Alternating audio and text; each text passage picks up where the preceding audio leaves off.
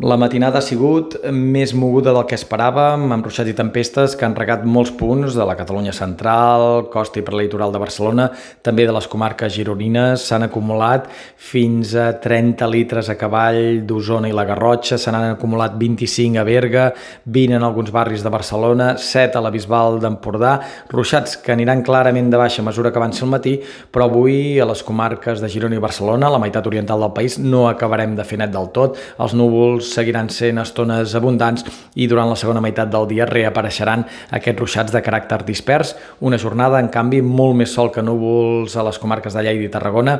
Es pot escapar algun xafa aïllat a l'entorn dels ports, però en conjunt serà una jornada força tranquil·la a la meitat occidental del país.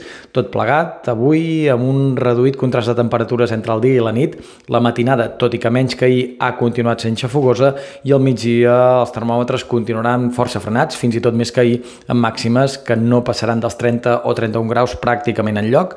Per demà, més del mateix, una jornada insegura, variable, amb més núvols que clarianes i amb ruixats que això sí continuaran concentrats bàsicament al terç nord de Catalunya. Demà l'ambient serà fins i tot fresc per l'època de l'any, amb temperatures molt similars a les d'avui. A partir de dijous, el sol mica en mica anirà recuperant protagonisme, a partir de divendres ja no plourà lloc i les temperatures s'aniran recuperant.